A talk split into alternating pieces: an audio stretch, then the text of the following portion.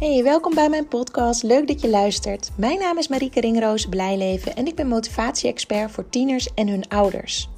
Zodra je tiener naar de middelbare school gaat, verandert er direct al heel erg veel. Je tiener heeft opeens een weerwoord, is veel weg, doet niks aan school. En wij moeten mee veranderen als ouder. Maar hoe doe je dat? Moet je grenzen stellen of loslaten? We hebben het idee dat hij zoveel meer kan, maar niks doet. School lijkt hem gewoon niet te boeien. Elke dag ruzie over huiswerk en dan dat uitstelgedrag. Wat moet je ermee? En al die strijd, kan dat ook anders? Het antwoord is ja. In deze podcast deel ik praktische informatie over het opvoeden van je tiener en omgaan met hun motivatieproblematiek. Handvatten, inspiratie, tips en tools om meer positiviteit, rust, ontspanning en gezelligheid te ervaren binnen het gezin. Want dat willen we toch allemaal? Ben je er klaar voor? Let's go!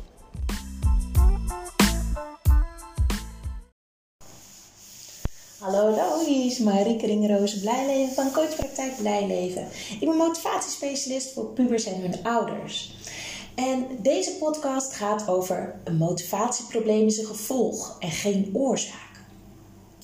Want heel vaak kom ik tegen dat er wordt gezegd: ja, hij moet eerst maar eens even wat gaan doen voor school voordat ik hem ga helpen. Maar als je nou beseft dat dat juist het probleem is, dat de puber niet weet hoe die harder moet gaan werken of überhaupt hoe die zich ertoe moet gaan zetten, dan is het wel lastig, want dan krijgt hij nooit de begeleiding die hij nodig heeft. En in de praktijk begeleid ik jongens die met motivatieproblematiek worden aangemeld. En motivatieproblematiek kan je afvragen, ja, wat is dat dan eigenlijk? Wat motivatieproblematiek is, als je het andere mensen vraagt, is dat ze zeggen, ja, puber doet helemaal niks, hangt alleen maar op de bank, zit alleen maar achter schermpjes. Um, het doet helemaal niks voor school. Zijn cijfers gaan omlaag. Is eigenlijk alleen met vrienden bezig of met uh, vriendinnetje. Uh, ja, weet je, er is alleen maar strijd over huiswerk. Want we zitten de hele tijd er bovenop. En zodra het over school gaat, is er alweer ruzie. We zijn er zo klaar mee. Ook wat heel vaak wordt gezegd is: ja, hij kan zoveel meer dan dat hij laat zien. En dat is zo zonde. Of um, hij heeft echt de brains wel, maar het komt er gewoon niet uit. En dat zijn opmerkingen van, uh, van ouders en soms ook van docenten of mentoren die wat met een puber doen. Want stel dat je nou heel hard gaat werken als puber. Want ja, je omgeving die weet, jij hebt brains, jij bent slim. Maar het komt er niet uit. Oftewel, je blijft onvoldoendes halen terwijl je echt wel je best doet. Dan heb je al heel snel het gevoel dat je faalt. En als pubers ergens een hekel aan hebben, is het het gevoel van falen. Nou is het over het algemeen wat ik in ieder geval tegenkom zo dat meiden zich wat sneller vastbijten in de lesstof en wat sneller door, of, ja, doorwerken, wat harder werken en uiteindelijk wel de voldoendes halen. Zij komen er uiteindelijk wel, blijven ook minder vaak zitten, zakken minder vaak en stromen ook minder vaak af. De jongens daarentegen reageren heel anders als iets moeilijk wordt of ze weten niet hoe ze iets moeten aanpakken. Eh, ze weten niet waarvoor ze het moeten doen, dus ze hebben nog geen toekomstplan. Of ze hebben het idee dat ze niet aan de eisen en de verwachtingen van hun omgeving kunnen voldoen. Stoppen gewoon met werken. Gewoon niks meer doen voor school. Niet meer leren. Af en toe spijbelen onder toetsen. Uh, te laat komen enzovoort. Ze stoppen met hun best doen. En dat is niet omdat ze niet zozeer dat ze geen zin meer hebben. Want echt, als je deze jongens bevraagt, het zijn vaak hele ambitieuze jongens. Ze willen echt wel, maar er zijn gedachten en overtuigingen die hun tegenhouden om aan de slag te gaan. Dus als je stopt met werken, dan kan je namelijk ook niet falen. Want als jij niet um, hebt geleerd en je haalt een onvoldoende, of je moet uiteindelijk naar een ander niveau afstromen, of je zakt voor je examen, kan je altijd zeggen: Ja, maar weet je, ik kan het wel, maar ik heb gewoon veel te weinig gedaan. Dat is veel veiliger om te kunnen zeggen dan te moeten zeggen: Ik heb alles gegeven wat ik in huis heb. Ik heb keihard gewerkt, maar het is me niet gelukt. En dat is vaak onbewust de reden dat jongens stoppen met werken. En als je stopt met werken, ja, dan ga je vervelen in de les. Dan ga je een beetje klieren en zorgen dat het toch nog een beetje gezellig is. Dus ja, dan word je sneller gewaarschuwd, je wordt er sneller uitgestuurd. Ja, voor hun gevoel afgewezen, want thuis hebben ze al gezeik over de cijfers en over huiswerk. In de klas doen ze ook niet goed hun best uh, in de ogen van de docent, dus moeten ze ook weer eruit. Moeten ze weer nablijven. Ze komen in een negatieve spiraal. Ja, waarom zou je dan nog naar die ene les gaan? Die docent heeft toch de pik op je. Dus ja, dan ga je spijbelen. Of als je een toets niet hebt geleerd uh, en je wil eigenlijk niet die onvoldoende halen, ja, dan ga je spijbelen onder een toets. Want als jij niet naar die toets gaat, dan kan je ook geen onvoldoende halen en dan faal je dus ook niet. Het is allemaal zo logisch als je die jongens het hoort vertellen. En nogmaals, heel veel van dit gedrag gebeurt onbewust. Als je het ze vertelt, dan zie je ze altijd nadenken. Zeggen ze ja, klopt wat je zegt. Dat doe ik inderdaad. Maar dat wist ik eigenlijk helemaal niet dat dat de reden was. En dan kom je met elkaar in gesprek. Want het is dus niet zo dat ze niet willen, maar het is dat ze niet weten hoe ze het voor elkaar moeten krijgen om dat te bereiken wat ze graag willen. En trouw te blijven aan zichzelf en niet te veel laten pushen door wat eventueel anderen van hen verwachten. En daarom geef ik ook altijd aan ouders aan: het is belangrijk om met je puber te praten in plaats van tegen je puber. En geloof mij, ik ben zelf ook moeder van twee zoons. Ik val, trap ook wel eens in die valkuil. Of val in die valkuil, wou ik al zeggen. Want als je boos bent of je maakt je zorgen om je kind, dan ga je heel vaak vertellen wat je ziet en waar je je zorgen over maakt en hoe het anders kan. Want jij hebt tenslotte al de levenservaring als ouder. Maar wat je dan bij de pubers ziet, die gaan uit. Weet je, ze zijn al zo gewend dat er tegen hen wordt gepraat en wordt, advies wordt gegeven en wat dan ook. Ze gaan gewoon uit, ze wachten tot je je preek voorbij is en vragen dan ook: En, ben je klaar? Mag ik nu gaan? En ze slaan eigenlijk niet echt veel op van wat jij hebt gezegd. Dat is dus tegen je puber praten. Wil je met je puber gaan praten, dan is het dus belangrijk dat je laat merken dat je heel erg nieuwsgierig bent naar zijn kant van het verhaal. Dus bijvoorbeeld, joh, ik zie dat je niet zoveel veel voor deze toets hebt gedaan. Hoe, hoe komt dat? Is het lastig? Of, of ben je bang dat het niet lukt? Of ik ben zo benieuwd uh, wat daarmee te maken heeft. Want ik weet zeker dat jij een goed cijfer wil halen. Je, je wil niet naar een toets gaan om een onvoldoende te halen, toch? Dan zet je de deur op een kier. En het is aan de puber om de deur open te doen, of verder open te duwen en antwoord te geven. En dan ben je met de puber aan het praten. En let daarbij heel erg op dat je je eigen emoties en oordelen en dergelijke even parkeert. Met de volle aandacht luisteren naar wat je puber te zeggen heeft. Ook al ben je het er niet helemaal mee eens. Je wilt tenslotte je puber begrijpen. En dit is iets waar pubers ontzettend tegen aanlopen. Dat ze niet serieus genomen worden. Voor hun gevoel niet gehoord en gezien worden. En uh, vandaag kwam ik een hele mooie post tegen van omdenken op internet. En uh, daar stond iets, ik weet hem even niet letterlijk uit mijn hoofd, maar als je iemand niet begrijpt, betekent dat niet dat hij ongelijk heeft. En dat klopt. Want een puber heeft nou eenmaal een andere kijk op dingen en een andere belevenis dan volwassenen, dan ouders, dan docenten, dan mentoren. Dus sta ervoor open om echt helemaal je puber te willen begrijpen, zonder oordeel en zonder emoties. Dat is een hele belangrijke om er ook achter te komen wat nou eigenlijk de oorzaak is van de motivatieproblematiek. Wat ik ook veel tegenkom eigenlijk is dat het nooit alleen om de puber gaat. Het is altijd iets van een heel gezin. En um, het gaat dus ook absoluut niet om, om schuld of iets dergelijks. Hè? Door, wie, door wie komt het, het probleem of de worsteling? Absoluut niet. Het is altijd iets van een heel gezin. Wat ik veel ben tegengekomen bijvoorbeeld is uh, relatieproblematiek tussen de ouders. En dat kan gaan dat je allebei heel verschillend in de opvoeding zit. Dat de ene een hardere aanpak heeft dan de ander. De een vindt van, ja, laat hem maar vrij gaan. Uh, laat hem maar naar, naar buiten gaan als hij dat wil. En uh, dan gaat hij maar onderuit als het hem allemaal niet lukt. En de ander heeft zoiets, ja, nee, maar zo kan dat niet. Ik wil niet dat hij onderuit gaat. Ik wil dat wij hem steunen en dat we hem stimuleren om aan het werk te gaan en helpen waar nodig. Ja, en dat zorgt ook in je relatie voor spanningen.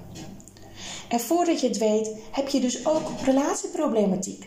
En dat merken pubers ook. dat, is, dat is logisch.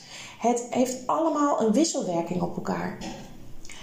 En ook daarbij is het weer belangrijk zorgen dat je de andere ouder ook begrijpt. Het is niet dat het een fout is en het ander goed. Iedereen heeft zijn eigen emoties en zijn eigen kijk op de opvoeding en hoe je met dingen omgaat. Want ook wij als ouders hebben allemaal weer onze eigen opvoeding gehad. En die zijn verschillend. Um, dus ja, relatieproblematiek tussen ouders uh, komt zeker veel voor. Wat ook heel veel voorkomt, is dat uh, deze pubers uh, eigenlijk vanaf de basisschool redelijk makkelijk door de school zijn gelopen. Dus, uh, als ze een, toets hadden op de basisschool of in de eerste en tweede klas van de middelbare, ehm, nou, dan lazen ze even de lesstof door en nou, ze wisten het wel en ze scoorden gewoon voldoende, gewoon goed genoeg. Dus ze hebben het nooit echt hoeven leren. In de derde klas van de middelbare wordt het al iets moeilijker. Vaak komen ze er nog wel doorheen, vaak met een eindsprintje. Dus dat bedoel ik eigenlijk aan het einde van het schooljaar rondom uh, nou, maart, april. Dat ze denken, oei, ik sta nu op zitten blijven. Ik moet echt nog even aan de bak. En dan gaan ze knallen om alles eruit te halen. En dan redden ze het nog net om over te gaan. Maar in de vierde klas, zowel van de HAVO als van het VWO, gaan ze onderuit met deze aanpak. Je kan in 4 HAVO en VWO niet meer alleen maar doorlezen en dan je toets maken. En dat doen ze over het algemeen wel, want dat hebben ze al die jaren gedaan en het is elke keer gelukt. Dus waarom zouden ze op een andere manier de boel gaan aanpakken? Nou, en je kan je voorstellen, als je dat dus in het begin van het schooljaar doet in de vierde klas en je gaat onderuit en je blijft alleen maar onvoldoendes krijgen, dan is dat nou niet echt motiverend. En het lastige is, je hebt geen idee wat de oorzaak is. Want je doet het al jaren zo. Ze hebben nooit leren leren. En misschien hebben ze het wel een keer aangeboden gekregen in de eerste klas of op de basisschool. Maar toen ze het helemaal niet nodig. Want het ging allemaal wel gewoon op de manier waarop ze dat deden. Dus dan sla je dat ook niet op. En op het moment dat je het nodig hebt, dus in de vierde klas bijvoorbeeld, dan sta je ervoor open en wil je leren hoe je het moet aanpakken. Maar ja, aan wie ga je dat vragen? Want iedereen om je heen lijkt het te begrijpen en te kunnen en halen wel voldoendes en jij niet. Het is weer zo'n moment dat je het gevoel hebt dat je faalt, dat je dom bent. Dat je gewoon niet weet hoe je het moet aanpakken. En ja, in je puberteit en helemaal in de vierde klas, want dan ben je meestal uh, 15, 16 jaar, dan heb je helemaal geen zin om je ouders om hulp te vragen. Want in je puberteit ben je bezig met het loskomen van je ouders. En dan wil je dus niet naar hun toe, ja, pap, mam, wil je me even helpen? Want ja, ik, moet, ik weet niet hoe ik moet leren. Dat, dat, zit niet, dat zit er niet in. Tot grote frustratie van ouders vaak, want die willen heel graag helpen, want die zien dat het niet lukt. En die gaan zich machteloos voelen omdat de puber geen hulp accepteert van hun. Ja, wat moeten zij dan? En daar beginnen ook weer de spanningen. uit onmacht pakken we soms de mobiel af. En soms wel zelfs een week.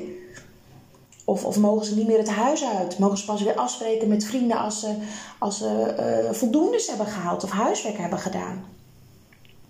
Ja, en daar helpen we ze ook niet mee, want ook dat is weer negatief. En voordat je het weet, zit je dus in een negatieve spiraal. Zowel als ouders als als puber. Ja, en als iets niet werkt, is het negativiteit. Ehm, dus wat ik heel vaak als opdracht geef aan ouders is: bedenk eens elke dag drie dingen die je puber wel goed heeft gedaan. En dat kan niet heel klein zijn, hè? Dat kan zijn dat hij zijn, zijn, bord en zijn beker eens een keer in de vaatwasser heeft gezet. Of op het uh, in plaats van op het aanrecht. Of dat hij netjes op tijd thuis was. In plaats van uh, een paar minuten te laat. Of dat hij uh, zijn jas op de kapstok heeft gehangen. Het hoeven geen grote dingen te zijn. Als een puber namelijk hoort wat hij goed doet, dan weet hij en beseft hij dat jullie zien wat hij, ook wat hij goed doet. Want hoe vaak dat wel niet wordt gezegd door pubers. Ja, mijn ouders of docenten focussen alleen maar op alles wat ik niet goed doe. Ze zeggen nooit wat ik wel goed doe. En je weet, uh, een mens heeft, uh, ik, nou weet niet meer precies wat de verhouding is, maar ik geloof iets van, van 10 complimenten nodig om één negatief iets te kunnen compenseren. Dus dat is heel, negativiteit is heel sterk en maakt ze onzeker. Uiteraard heb ik nog veel meer te vertellen over motivatieproblematiek.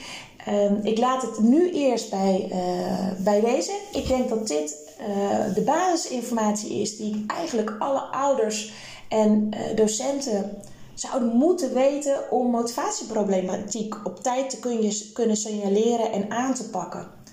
Want het is zo zonde als je het niet op tijd signaleert en serieus neemt. Want echt, er zijn zoveel, met name jongens, die onnodig afstromen van niveau. Die uh, twee keer hetzelfde leerjaar moeten doen. Dus blijven zitten, dubleren. Of die zakken voor hun eindexamen.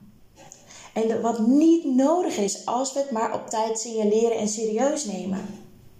En het is dus ook mijn missie om landelijk het onnodig afstromen, dubleren en zakken voor het eindexamen terug te dringen. Door zoveel mogelijk mensen te vertellen over hoe motivatieproblematiek werkt. Wil je nou meer weten? Ik organiseer regelmatig online informatieavonden waar je bij aan kan sluiten.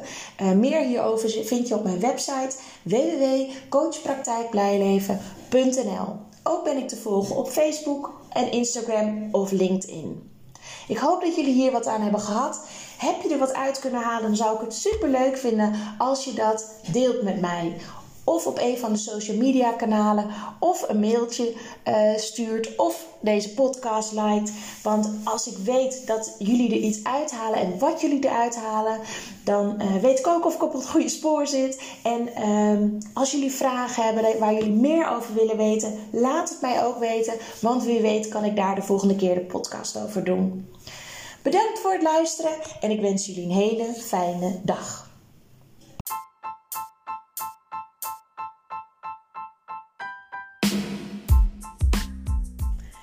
Dit was weer de aflevering van deze podcast. Ik hoop dat je het leuk hebt gevonden, dat je er veel informatie, tips en inspiratie uit hebt kunnen halen. Ik ben ontzettend benieuwd wat jij van deze podcast vond en wat je eruit hebt gehaald. Want ik neem ze op, maar ik wil heel graag weten hoe het is voor jou als luisteraar om dit allemaal te horen. Wil je mij dat laten weten via een persoonlijk berichtje? Dan vind ik dat hartstikke leuk. Wil je andere ouders motiveren, stimuleren? En inspireren met deze podcast, deel het dan op social media. En wil je mij contacten? Dat kan via www.coachpraktijkblijleven.nl. En wie weet spreken we elkaar snel. Fijne dag! Hey, hallo! Hier bij weer een nieuwe podcast. En deze podcast neem ik in de auto op, dus het kan zijn dat je wat, uh, wat geruis hoort van de auto die aan het rijden is. Maar ik heb besloten om alleen podcasts op te nemen als ik echt vol van binnen, oké, dit is echt iets wat iedereen moet weten. En dat is een andere insteek dan ik moet drie keer in de week op maandag, woensdag en vrijdag een podcast plaatsen. Dus vandaar dat er niet echt um, ja, vooraf regelmaat is bedacht wanneer ik een podcast gaat op, ga opnemen. Maar het is wel de bedoeling dat door deze manier dat ik, oh, hè, waarop ik het nu aanpak, dat de podcast nog beter worden dan ze al waren. En ik heb nu zeker een hele duidelijke boodschap met deze podcast. Ik heb de afgelopen paar weken ontzettend veel dezelfde soorten gesprekken met ouders, tieners en scholen. En dat is opvallend. En dit is natuurlijk al langer een probleem. En dat is eigenlijk ook de reden waarom ik mijn praktijk ben begonnen en wat mijn missie is. Mijn missie is om het onnodig afstromen van niveau, dubleren en zakken voor het eindexamen terug te dringen.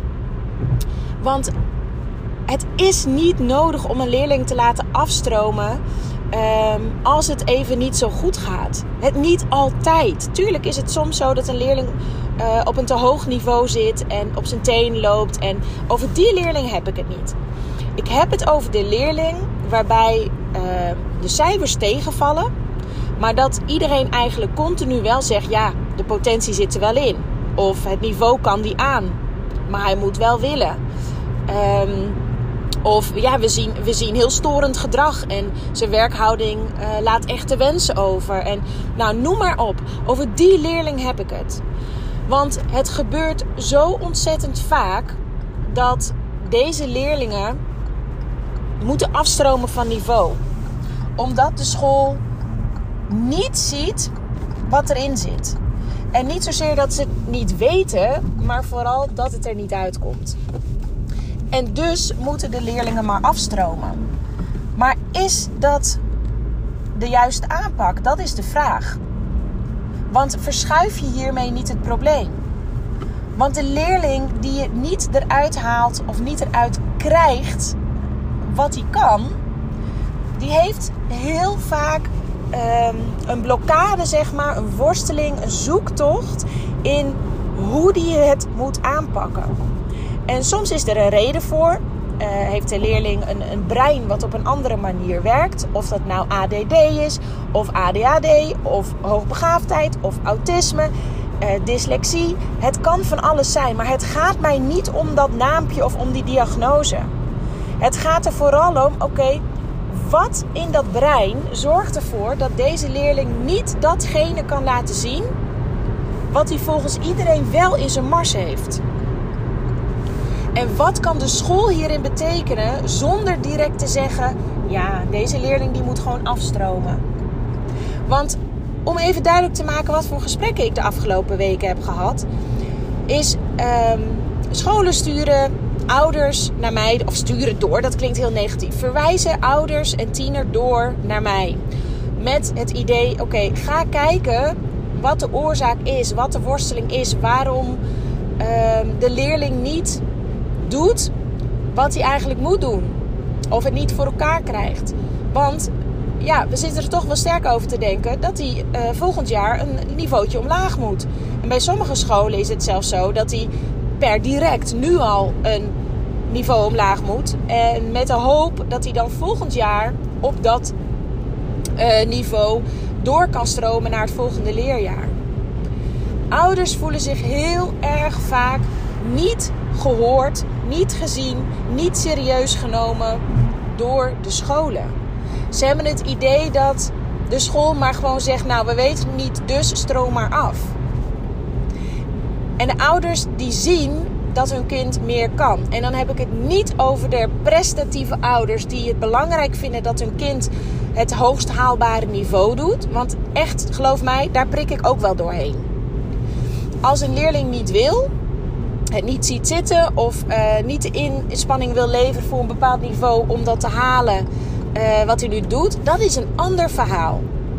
Ik heb het dus over de leerlingen die wel willen en op hun manier hun best doen, maar het niet voor elkaar krijgen en belanden in frustratie. En als ze belanden in frustratie, dan is het ook heel vaak zo dat ze dus negatief gedrag gaan vertonen. Dat ze de les gaan verstoren. Dat ze um, andere leerlingen van hun werk houden. Dat ze continu lopen te kletsen. Dat hij geen vragen stelt. Um, in de ogen van de docent niet leert en daardoor de basiskennis mist of geen huiswerk maakt. Maar hoe mooi zou het zijn als het lukt, als docent zijnde, als school zijnde, om deze leerling een aantal vragen te stellen om meer helderheid te krijgen. En die vraag stel ik ook standaard. Het gaat er allereerst om dat de tiener zijn eigen verhaal kan vertellen. Waar loop je tegenaan? Wat vind je op dit moment het lastigste? En heel vaak krijg ik dan te horen hoe de docenten met mij omgaan. Ik krijg alleen maar negatieve aandacht. En ja, ze hebben niet meer het vertrouwen in mij dat ik het kan. Terwijl er is meer aan de hand. Er zit een oorzaak achter het gedrag. En Ik gun het deze leerlingen en ook de docenten zo om in contact met elkaar hierover te gaan. Te komen. Heb niet te snel, de, trek niet snel, te snel de conclusie dat een kind het niet aan kan. De leerling zit namelijk in een leerproces. Die is aan het opgroeien naar de volwassen leeftijd. En die is aan het zoeken: hé, hey, wie ben ik? Wat kan ik? Maar ook hoe moet ik dingen aanpakken? De wat slimmere leerlingen, en dat heb ik het niet alleen maar over VWO-leerlingen, daar heb ik het ook over, de, over leerlingen die op de HAVO zitten, bijvoorbeeld, of op de MAVO, dat kan ook. Die nooit iets hebben hoeven doen voor school die eigenlijk met doorlezen al de voldoendes scoorden. Die komen in de derde klas al iets meer in de knel, want ze hebben niet geleerd hoe ze moeten leren. Ze hebben hun executieve functies niet volop ontwikkeld misschien, omdat ze het vaak met hun brein hebben opgelost. En executieve functies, dat zijn de regelfuncties in onze hersenen. Dat zijn de functies die ons gedrag aansturen. Die ervoor zorgen dat wij met een opdracht starten als de docent het zegt. Dat zijn de functies die zorgen dat wij een taak ook afmaken. Of als we iets niet weten, dat we een vraag stellen. Of uh, in ieder geval om hulp vragen. Um, maar ook ergens op tijd zijn. Zorgen dat je je spullen bij je hebt. Dus een stuk organisatie en planning. Dat heeft allemaal met die regelfuncties te maken. En hoe zonde is het als een leerling die die executieve functies nog wat meer mag ontwikkelen, afstroomt daardoor. Dan komt hij dus onder zijn niveau te werken, wat niet erg hoeft te zijn. Maar wel als dat ten koste gaat van uiteindelijk de motivatie. Want als je onder je niveau gaat werken, dan verlies je de motivatie. En je verliest zelfvertrouwen. Maar als je moeite hebt met je executieve functies en je leert die ontwikkelen, dan ontwikkel je juist zelfvertrouwen. Want hoe frustrerend is het voor een leerling als hij wil, als het tot nu toe allemaal goed is gegaan en opeens nu het niet meer voor elkaar krijgt en hij heeft geen idee wat hij fout doet. En op school wordt tegen hem gezegd dat hij het gewoon moet doen. Dat hij zijn huiswerk gewoon moet doen. Dat hij zijn zaakjes niet op orde heeft. Dat hij zijn boeken alweer vergeten is. Negatief op negatief op negatief. Je kan ook naar een leerling gaan en zeggen: joh, het valt me op dat je al meerdere keren je spullen niet op orde hebt. Vertel, vertel daar eens wat over. En die leerling heeft daar dan begeleiding bij nodig. En nee, een docent kan die begeleiding niet altijd geven. Maar die kan het wel signaleren. En die kan het ook aan thuis terugkoppelen met een mailtje of een telefoontje of iets dergelijks.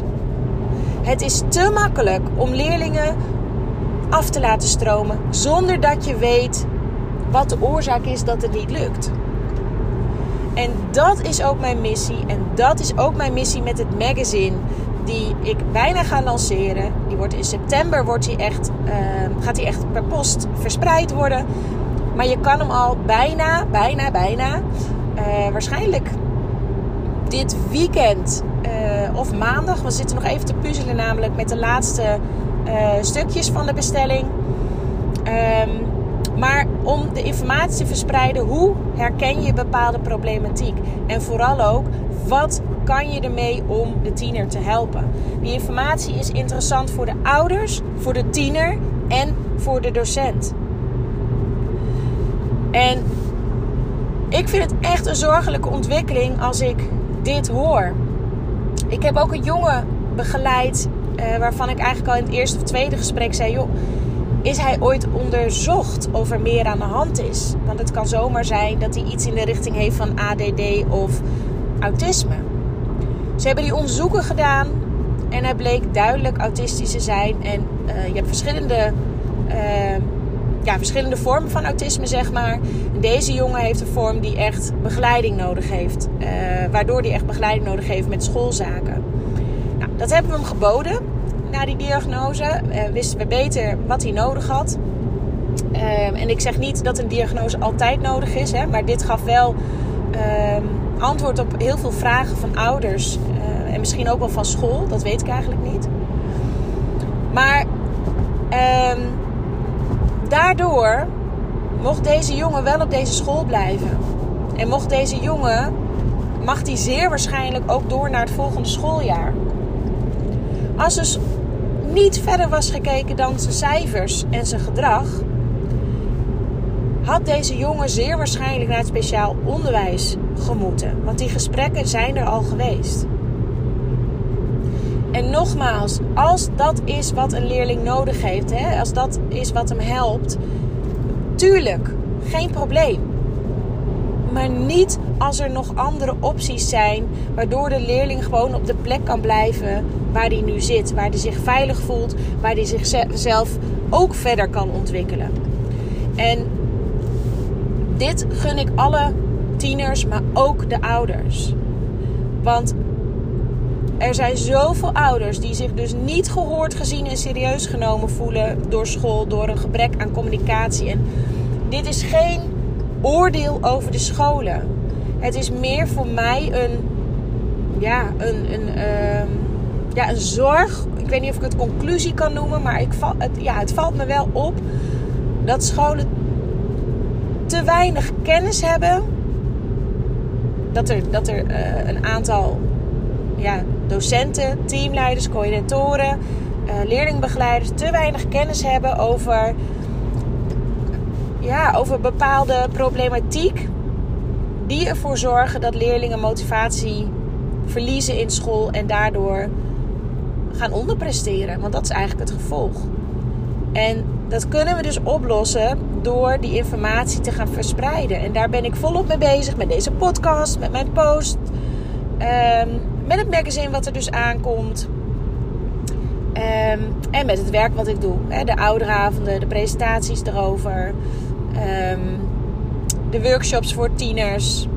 En de presentaties voor, um, voor docenten. En op dit moment zit ik dus in de auto naar Delft. En ga ik op een school in Delft, het Christelijk Lyceum Delft. Uh, ga ik op een examencongres. Ik vind dat een super mooi initiatief trouwens. Dat is een school die organiseert een examencongres voor de leerlingen in het examenjaar. Om ze een laatste motivatieboost en uh, vertrouwen en dergelijke mee te geven voordat hun examen starten. En ze noemen het dus examencongres om het wat meer body ook te geven. En uh, ja, ik vind het een heel mooi initiatief. Dus ik mag daar een interactieve presentatie geven over motivatie. Hoe je het Um, ja, hoe het verdwijnt, maar vooral ook hoe je het terugkrijgt. En ze tools mee te geven, uh, ja, hoe ze ervoor kunnen zorgen dat ze toch aan de slag gaan met hun lesstof voor het examen. En niet kiezen voor het gamen, de mobiel, weg met de vrienden. Maar wijs kiezen en aan hun schoolwerk gaan zitten.